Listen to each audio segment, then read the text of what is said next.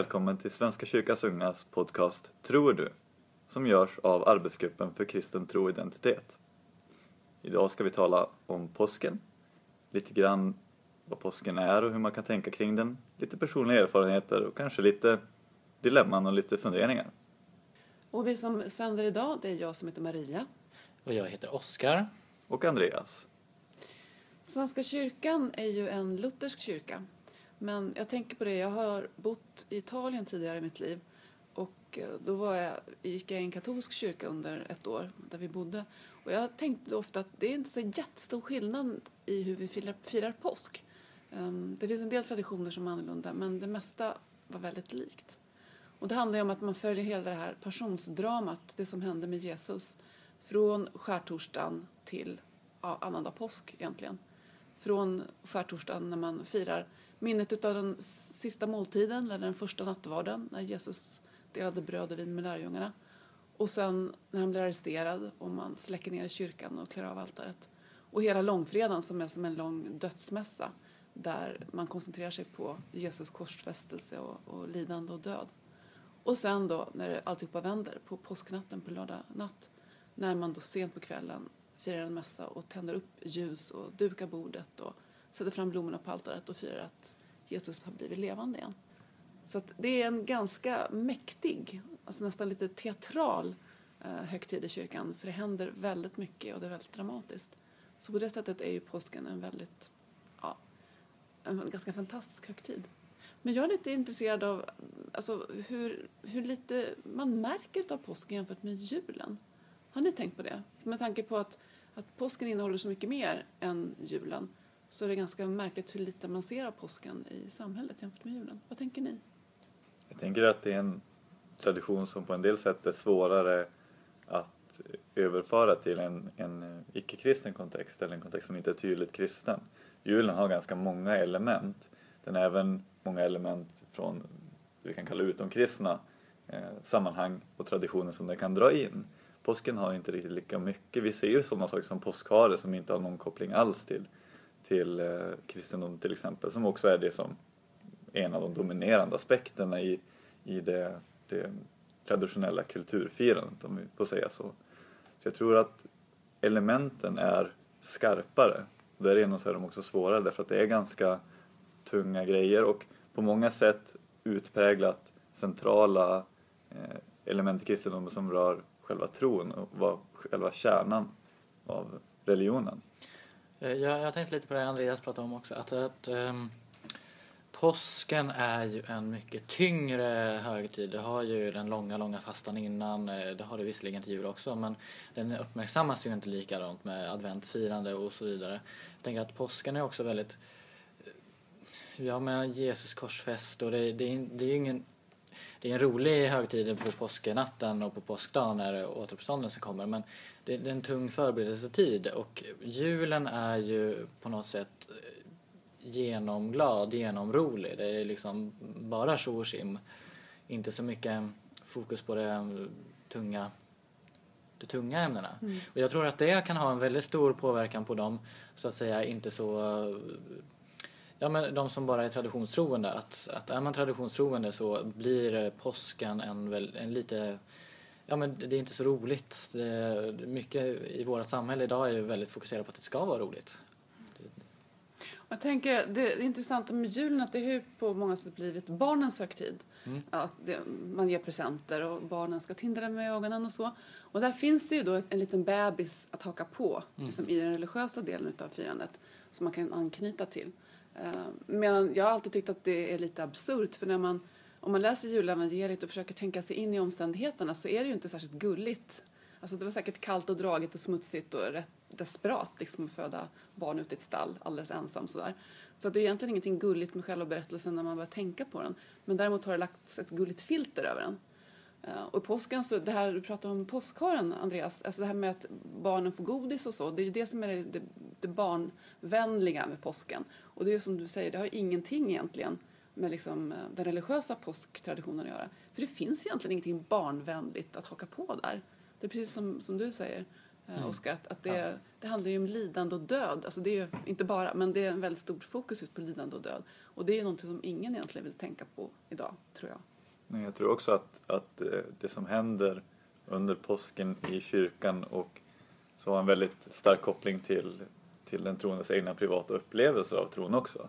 Eh, att för att kunna, känna samhörighet med det som händer så krävs det också att man på ett personligt plan känner att det berör mig. Eh, på ett annat sätt än vad som krävs just vid jul. För där har vi så många traditioner som på så många sätt känslomässigt kan kopplas samman.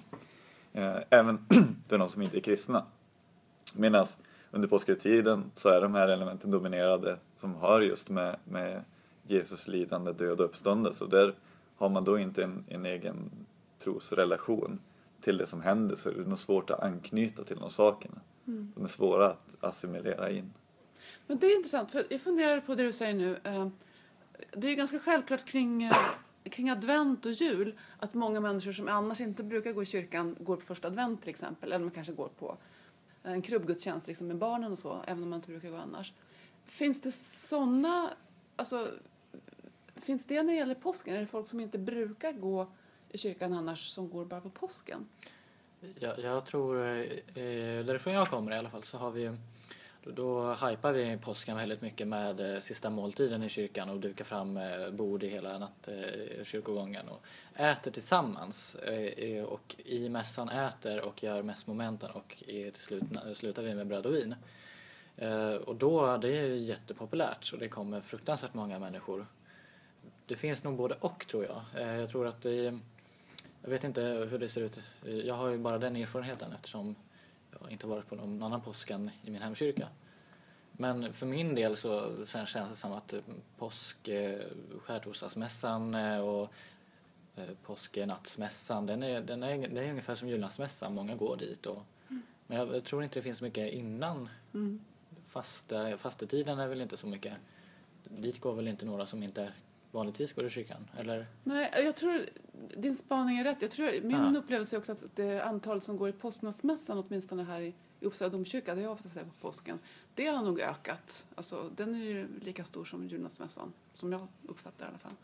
Och det är lite intressant, för det vet jag inte, är, är det bara liksom alla som ändå skulle gått till kyrkan som har valt just den gudstjänsten då?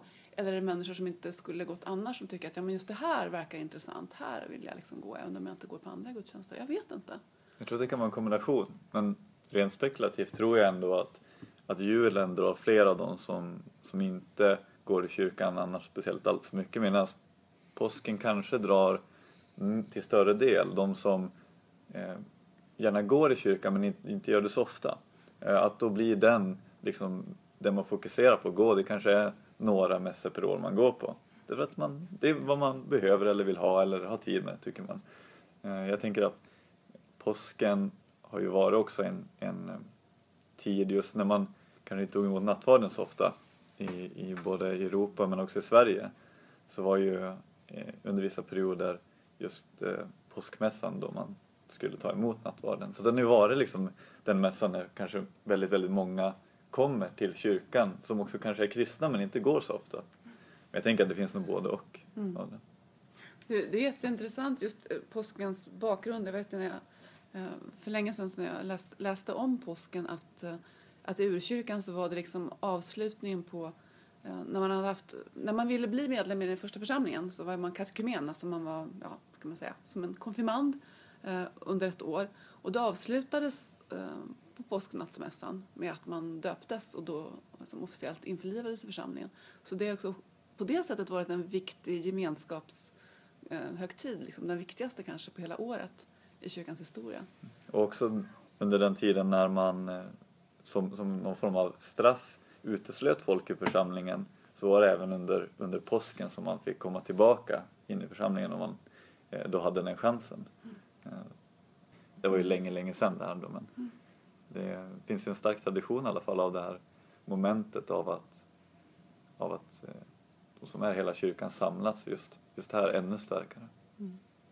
Jag tycker, alltså, kanske inte lika mycket idag, men tidigare i alla fall så, så hade jag delvis eh, svårt för påsken. Alltså, det handlar ju också om fastan som du nämnde Oskar. Att fastan är en ganska allvarlig, liksom, tung tid. Att man förväntas liksom tänka över sitt liv och tänka över sin tro och ja, så. Men jag tyckte ofta att, att eh, påsken var jobbig just därför att man var tvungen att ta sig liksom igenom långfredagen först för att få komma ut på andra sidan. Och jag hade väldigt svårt uh, just med Jesu lidande. Jag kan fortfarande ha svårt för Jesu lidande. Men jag hade ännu mer svårt för Jesu lidande liksom när jag var yngre. Jag tyckte verkligen att det, var, det tog emot. Jag ville egentligen inte liksom, tänka på att uppleva det. Och det hade ju både att göra med att jag tycker det är svårt med mänskligt lidande överhuvudtaget. Men om man verkligen ska liksom sätta sig in i vad det är som händer under påsken med Jesus, då är det ju väldigt våldsamt, väldigt otäckt. Och det känns också ganska hemskt på ett sätt att veta att ja, men det här sker med Jesus på grund av mig. Som det, han gör det för min skull. Ja, vad, hur känner ni för det? Har ni något problem med det? Eller tycker ni det bara är oproblematiskt? Alltså långfredagen är ju väldigt eh, problematisk oavsett tänker jag. Men det är ju någonting, det är ett moment som att man, man måste gå igenom eh, elden för att komma till, tänker jag.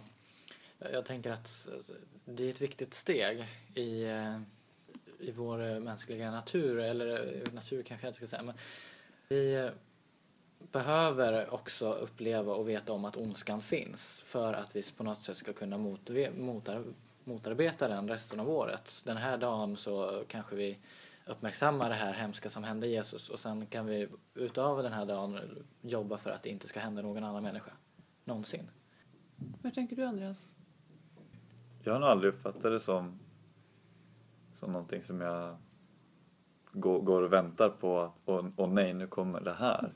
Eh, därför att det är ju men till viss del jobbigt och, och väldigt, väldigt eh, känslomässigt starkt just det lidandet. Men jag har, har ofta... Men på något sätt så, så även om, om, om långfredagen är tiden för lidandet så, så, så finns där också någon form av, av eh, kärleken finns där också. Det är inte det att, att fira återuppståndelsen i förväg. Men jag kan inte komma från att, att jag kan inte ta delarna i ett, i ett vakuum för mig utan de blir så integrerade att det är hemskt men det är också väldigt, väldigt vackert. Jag tänker att just passion handlar om att det, det är lidande och kärlek liksom invävda i varandra som inte går att separera. Det, det tycker jag är en av de starkaste, kanske den starkaste saken i, i min tro. Så att för mig så blir det ju lite bitterljuvt och, och väldigt vackert eh, till stora delar.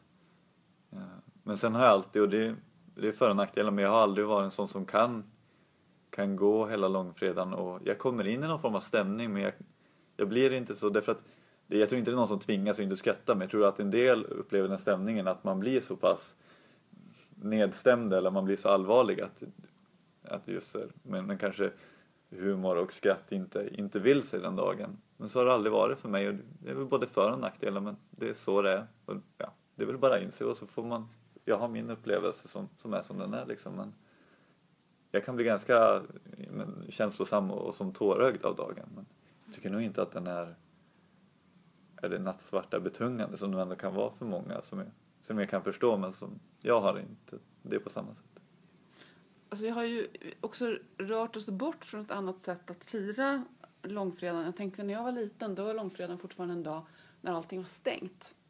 Um, och även om vi var inte, det var inte samma, samma sätt, Sverige var inte kristet när jag var liten heller höll jag på att säga. Men alltså kristna traditioner kanske inte var levande men, men jag hade ändå en mormor som kom ihåg på den tiden när, när långfredagen var en dag när man liksom inte skulle skratta eller springa omkring eller man, det skulle vara allvarligt. Liksom, det var en allvarlig dag. Ja, bio, biografen hade ju stängt fortfarande då på långfredagen när jag var liten. Och det var också det här att man skulle spela spela teaterpjäser eller gå på bio, man ska inte göra roliga saker på långfredagen. Och det är ändå liksom, ja, det är ju inte superlänge sedan. Det är ändå som ja, 30-40 år sedan som det var så. Så jag tänker att, att eh, den sortens fokus har ju också glidit bort. Alltså långfredagen är ju inte liksom i samhället en allvarlig eller tung dag, den dag man inte får ha roligt. Och det kanske är bra, för att någon slags eh, påklistrat allvar eller påklistrad liksom, sorgsenhet, det, det tror inte jag heller är positivt. Men jag undrar också om det är ett tecken på att, att vi har svårt för det som är allvarligt i samhället. Vi pratade lite grann om det förut, att det inte finns någonting så här jätte... Liksom, man ska ha roligt. Det är det som, eh, som högtider handlar om nu för tiden. och att det finns ingenting roligt och att det finns ett, också ett motstånd mot att stanna upp inför det som är allvarligt eller det som har med andras lidande att göra. Jag vet inte, det är en känsla jag har bara. Att det inte finns plats för den sortens känslor och upplevelser. Jag tänker lite på det du är inne på nu att i, i vårt svenska samhälle så är vi så himla rädda för att vi frågar ja, men hur är det med dig, är det bra med dig? Och det, det naturliga svaret ja det är bra. Man pratar ju aldrig om när det inte är bra. Och det kan väl vara en, en bieffekt av det här att vi aldrig, aldrig någonsin tar upp det negativa utan vi fejkar på något, något, ja men det är bra fast vi egentligen inte mår bra. Och jag tror att det gör själva påskfirandet också ifrån att man går ifrån det här dystra, alla butiker är stängda, ingenting. Nu är allt öppet, så vitt jag vet. Från att vi, vi vågar inte ta i det svåra. För att vi vågar inte vi vågar inte veta vad som händer om vi tar det svåra. Vi vågar inte vara på stan om någon skulle bryta ihop. Det är ju sorgligt, tänker jag, att vi inte vågar ta det, ta den diskussionen. Att vi hela tiden ska, ja men det är bra med mig fast det finns något annat som ligger och gror. Mm. Varför är det så? Kan man ju tänka. Mm. Eh, men jag tror att i alla tider så har nog människan eh, i, i, varit rädd för döden. Liksom alla individer i olika perioder på olika sätt och man har också velat, velat undvika obekvämligheter. Men jag tror att det sättet som vårt eh, samhälle är beskaffat på är också att vi har till stora delar gjort institutioner av döendet. Och det är ju på gott och ont. Ehm, um, sjukhus är jättebra men det som har hänt är att vi har gått ifrån en, en form av struktur där vi kanske själv tar hand om de som är döende i vår familj eller är sjuka och liknande. Uh, och uh, det tror, personligen så tycker jag att, att uh, det är bra att det finns vård att tillgå för alla, till exempel sådana saker. Men effekterna som kan, man kanske inte, det är ingenting man kanske tar i beaktande, men det som kan vara effekterna är just en sån sak att eh, vi distanserar oss väldigt mycket från döden och behöver inte, för ingen människa, i princip med några undantag, vill ju tycka att det, det är spelat trevligt. Det, så det, man vill ju gärna distansera sig, men förr i tiden var man ju ganska ofta tvingad till det. Det kanske var vardag, speciellt när man hade sämre levnadsförhållanden. Eh, när det var svält och liknande så, så var det ju en, en vardagssak nästan att eh, folk dog. Inte att det var mindre hemskt, men man hade inget val, man var tvungen att möta de här, här sakerna det är inte så, så närvarande så vi kan trycka undan det här. Men det får ju kanske också sådana konsekvenser som jag talat om att det blir lättare att gå till någon form av eh, ren hedonism där man bara vill njuta och man inte ser till sådana aspekter som, som livet faktiskt innehåller, sorg och död också. Och det tänker jag, alltså om påsken kan fungera alltså, som en slags eh, inte vet, terapeutiskt kanske inte man ska säga, men jag tycker om påsken kan fungera som ett sätt för oss att eh, komma öga mot öga med att döden är en realitet och att lidandet finns och att, eh, alltså att att överhuvudtaget att kunna stå ansikte mot ansikte med det som är svårt i mitt liv och i världen, ondskan som vi nämnde här tidigare och så, då är det ju något som är väldigt bra. För jag tror att åtminstone när man lever som vi gör i en ganska rik kultur som då, då är det väldigt lätt att man, ja, man ägnar sig åt det som är avkopplande. Alltså, det är klart, alla, alla som har ett jobb jobbar ju väldigt hårt, läser man om tidningarna. Men, men just därför så blir det kanske en drift just att försöka att inte tänka på svåra saker, att inte möta svåra saker tills man måste. För naturligtvis finns ju död och lidande och liksom misslyckanden ehm, i våra liv också. Men det finns kanske en, ett större, en starkare impuls att trycka undan det, att försöka att inte tänka på det så länge man kan slippa tänka på det. Så där tänker jag att då kan ju som långfredagen ha en funktion att vi på något vis får ett utrymme där vi faktiskt kan reflektera över det som är, som är svårt och som är tungt också i våra egna liv. Ja, och just det latinska uttrycket memento mori, tänk på döden och det som är inbegripet i det är både att inte själv få hybris, att tro att man är odödlig eh, och därför sätter sig över andra människor men också det, det är lite det som gör det fint eh, att, att komma ihåg sin egen dödlighet men också att då ta tillvara på livet. Eh, jag tänker också att ett fokus på, på döden kan senare faktiskt ge livsglädje och, och senare i påskhögtiden kommer man ju också dit. För Jesus återuppstår ju också. Så jag tänker att det är intressant hur firandet också på något sätt motsvarar det man kan se i någon form av psykologiska termer eller känslomässiga upplevelser just av, av det här att genom att ställas mot döden så inser man både kanske det hemska och vad man därför måste göra men man inser också det fina man måste ta tillvara på och, och den kärlek och de möjligheter som finns. Jag tycker det är intressant sambandet mellan, mellan det och vad som faktiskt rent konkret historiskt hände. Mm. Och jag tänker, det är också mots, det är på något sätt motsatsen till framgångsteologi. Alltså att, um, det, det, är inte så att uh, om du är lyckad så är det ett, ett tecken på att Gud älskar utan tvärtom. Alltså att I det största misslyckandet kan liksom Guds kärlek gömma sig.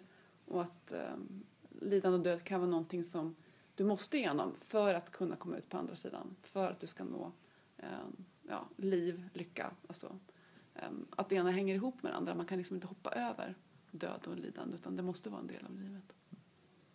Det är väl det att, det var någon som sa det just att livets skönhet kommer av, av dödligheten.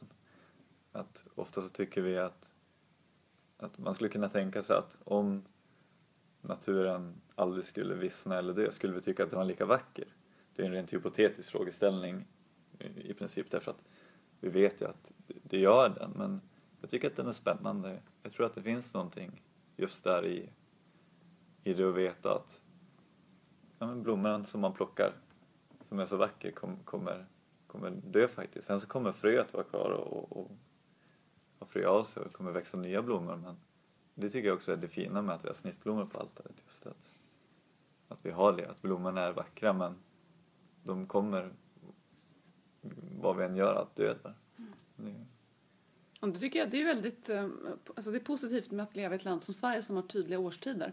Att på vissa punkter så, så på något vis förstärker årstiden eh, den religiösa högtiden. Mm. tycker jag är väldigt tydligt just på påsken när man står och väger mellan vinter och sommar. Och man ser hur livet är på väg att börja. Det blir så, så tydliga symboler liksom, i naturen som omger oss, vad som händer. Och bara det här att, att man har påskliljor som man kan ställa på altaret, att det är den tiden. Det blir också så här små glädjetrumpeter mm. Eh, som är väldigt konkreta påminnelser om att, att Gud finns liksom i skapelsen och Gud vill livet i skapelsen. Jag tror att det är så starkt också för man kollar på hur Jesus använder, hur han berättar och gör liknelser så är det mycket om naturen och om, om skörd och om plantering. Alltså det är vad som händer, den naturliga processen och kretsloppen som man använder som bilder också. Jag tror att det finns en anledning till det. Jag tror att det talar till människan på ett, ett väldigt, väldigt djupt plan som vi inte alltid kan sätta ord på annars. Jag tror att det är någonting man kan vara väldigt tacksam för. Det, är väl också något, eh, jag tror att Jesus gjorde smart med att det är någonting vi kan ta på. Att vi kan ju ta på årstiderna och se kretsloppen.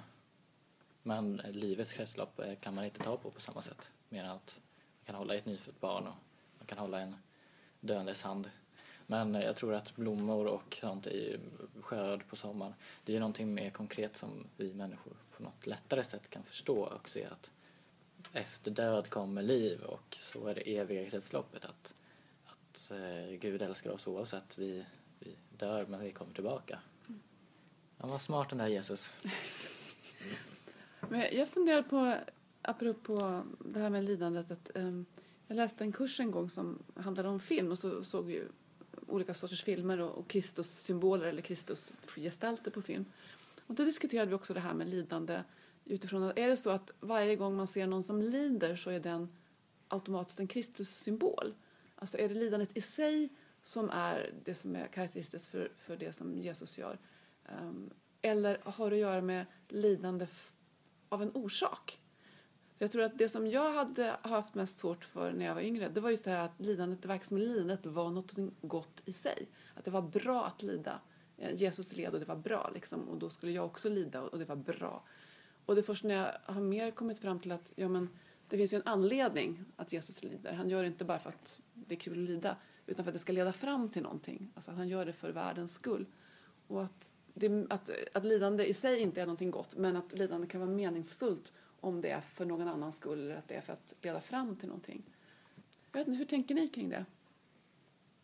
Jag tänker att, att eh, det är en klok tanke att lidande i sig tror jag inte har speciellt stor effekt eller, eller är bra på något sätt tror jag. Jag tror att man kan hamna där ibland eh, på vissa sätt när, man, när vi tänker att, att det är bra att lida men jag tänker när vi gör oss till i lidande Alltså man, man, eh, berättar om saker man tyckte var jobbigt bara för att få någon form av, av bekräftelse eller få någon, sån, någon form av medkänsla. Och det, det ser jag som någon form av lidande, bara för lidandets skull, för att man vill, vill åt den symbolmakten som lidandet har. Men jag tror att lidandet är ofrånkomligt. Därför att, att, att välja att om jag har tre godisar och så ger jag två till er så är frågan, det är också frågan, är utebliven njutning lidande? Mm. Men om, om jag väljer att göra någonting, jag kanske går till affären för att köpa något åt en vän så de slipper gå. Det är ju inte en sån tung form av lidande, men det är ju någon form av lidande eh, på det sättet att, att jag anstränger mig. Eh, och jag tycker att det är intressant, jag tror att det är ofrånkomligt att, att lida i mer eller mindre grad för att göra goda saker. Men där är ju frågan, är, är lidandet negativt nödvändigtvis? Mm. Nej, det tror jag inte. Jag, jag hoppar i tankebanan med att, att lidandet är ju någonting som vi alla människor faktiskt har gemensamt, likadant som lycka, skratt och eh, känslorna som vi alla människor känner. Och det lidandet, eh, när vi har pratat om lidande, Jesus blir förmänskligad i lidandet tänker jag. Att, att man visar på, ja han var både Gud och människa och genom att vi visar på det här lidandet så, så kan vi också känna oss, i en, i, känna oss med Jesus. För att vi alla människor kommer att lida. Frågan är vad lidande är. Kanske inte hänga på ett kors en, en hel dag men vi kanske lider på oli, olika sätt. Men mm. att i och med Jesus som människa lida mm. och i och med hela mänsklighetens lidande. Och då tänker jag att det är det starka med Jesu lidande just som identifikationspunkt. Mm. Alltså att när jag upplever svåra saker, alltså när jag lider psykiskt eller fysiskt, då kan jag också känna att Jesus finns med mig i det, för jag vet att Jesus har upplevt lidandet verkligen inifrån. Jag har en Gud som förstår mig och som är, vill vara där med mig. Så på det sättet kan jag tänka att identifikationsmässigt så kan det finnas en poäng med det. Jag tänkte mest på det här när man, vi pratar om, om förebilder, för du pratar ju om uppoffring, mm. Andreas. Alltså att, att inte kanske sticka sig i fingret lidande, men liksom det här att göra saker för andras skull fast det kostar mig någonting. Mm. Och det tänker jag, det är det som jag tänker är liksom det, det andra delen av budskapet. Inte bara att Gud vet hur det känns att lida, Gud är med mig i mitt lidande, men också att Gud vill uppmuntra mig att göra saker som kostar mig någonting. Precis som det kostade någonting för Jesus liksom att, att dö på korset. Mm.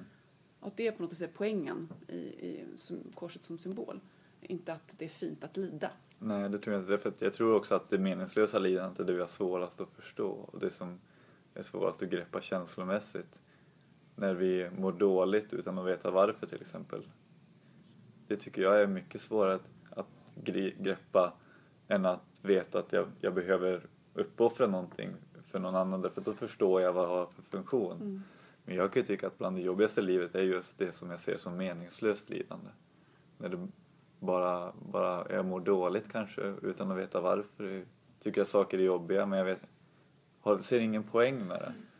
Och där tror jag att, där är ju någonting som är, är väldigt, väldigt mycket jobbigare och det är också av den anledningen som jag tror att det vore, vore ganska hemskt och fatalt att reducera Jesus lidande till bara ett, ett meningslöst lidande, ett lidande för lidandets skull. För jag tror att det är någonting som vi på ett personligt plan inte heller mm, kopplar ihop på det sättet med kärlek till andra och så. Så jag tror att den bilden kan bli oerhört snedvriden. Mm. Men jag tänker också, det kan ju vara bra, alltså i dessa tider, man, läser, jag i alla fall läser ofta i tidningarna just om att eh, ja, barn och unga mår do, psykiskt dåligt och att det finns många människor som har psykiska diagnoser och som eh, liksom blir ja, det finns liksom ingen, inget, ingen möjlighet för dem att bli sedda eller uppskattade eller alltså att det kan vara tabu överhuvudtaget att prata om att man mår dåligt eller att man har en depression. Och ändå är det så pass vanligt som det. Så jag tänker att om, om det skulle kunna vara Alltså om, om långfredagen i någon slags överförd bemärkelse skulle kunna vara ett, en, ett sätt för oss att inse att, att även den typen av alltså psykiskt lidande um, är någonting som är okej okay och som man vågar dela och vågar prata om. Då skulle det vara en motkraft mot det här ytliga som vi pratade om förut, att man ska, allting ska vara lätt och roligt eller att man ska vara lyckad jämt. Så att, eh, det skulle egentligen vara någonting som jag önskar att vi vågade vara mer ärliga mot varandra, inte bara inom kyrkan överhuvudtaget, liksom, med det som är svårt. Um, och låta det få den plats som, ja, erkänna, erkänna den plats som den tar i alla människors liv. Jag tror att, ja, jag tror att människor som, som skulle slippa tabu skulle må så mycket bättre, vilket är vi alla, för jag tror vi alla skulle må bra om det inte var så tabubelagt att, att må dåligt eller lida.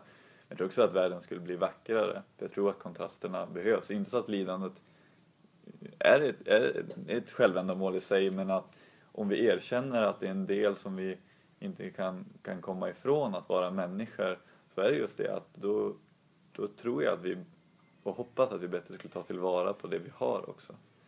Eh, så jag tror att det skulle komma väldigt mycket gott ur att, att försöka se varandra på det sättet och, och bryta det tabuet. Men det, det är svårt. Har ni någon så här speciell bibelvers eller psalm eller någonting som ni kopplar till påsken som, ni, som betyder mycket för er? Eller som, ni, som betyder mycket för ert påskfirande? Ja, ja, vi har ju pratat väldigt mycket om, om långfredag och lidande just nu men man får ju inte glömma bort att påsken är ju faktiskt också både och som det eviga kretsloppet som vi pratade om förut. Och mitt fokus ligger på påsknatten, på påsknattsmässan när man får sjunga de första påsksalmerna Livet vann dess namn är Jesus, eh, 153 i Svenska psalmboken. Den är så himla härlig och eh, påminner det lyckliga. Man får ju inte glömma bort lidandet men man får inte glömma bort det, det lyckliga heller som kommer efteråt. Och eh, jag är lite på det And- Andreas pratade om att, att påsken i sin helhet är ju en fantastisk högtid. Det behöver lidande dramatik eh, samtidigt som det behöver lyckan och kärleken. Så i helheten så är ju senare delen av påsken Mm. den bästa. Jag kan inte komma på något som jag sådär spontant men, men eh, utan bara jag vet att jag brukar lyssna på mycket musik under påsktiden, eh, även under fastetiden. Men eh, alla konstyttringar blir för mig lite viktigare. För det är samma sak det med konsten, den, den kan säga saker på, på plan som använder symboler som vi inte kan använda i vanliga fall. Och, och så, så att det blir bara viktigare i allmänhet, de uttrycken för mig. De berör mig ännu mer. Mm. Jag brukar, när jag, var yngre brukade jag lyssna igenom Jesus Christ Superstar, Andrew Lloyd Webbers eh, rockmusikal, som en sån tradition varje påsk. Och det var ett sätt att också uppleva liksom, påskhändelserna genom musiken. Ehm, um, det har jag faktiskt inte gjort på länge, kanske borde göra det igen. Senare har jag varit mer Johannespersoner av Bach och liksom, den typen av musik. Men som är också väldigt dramatisk och fylld med känslor och så. Så jag håller med om att eh, musik och konst kan ju vara sätt som gör det verkligare med påskens budskap.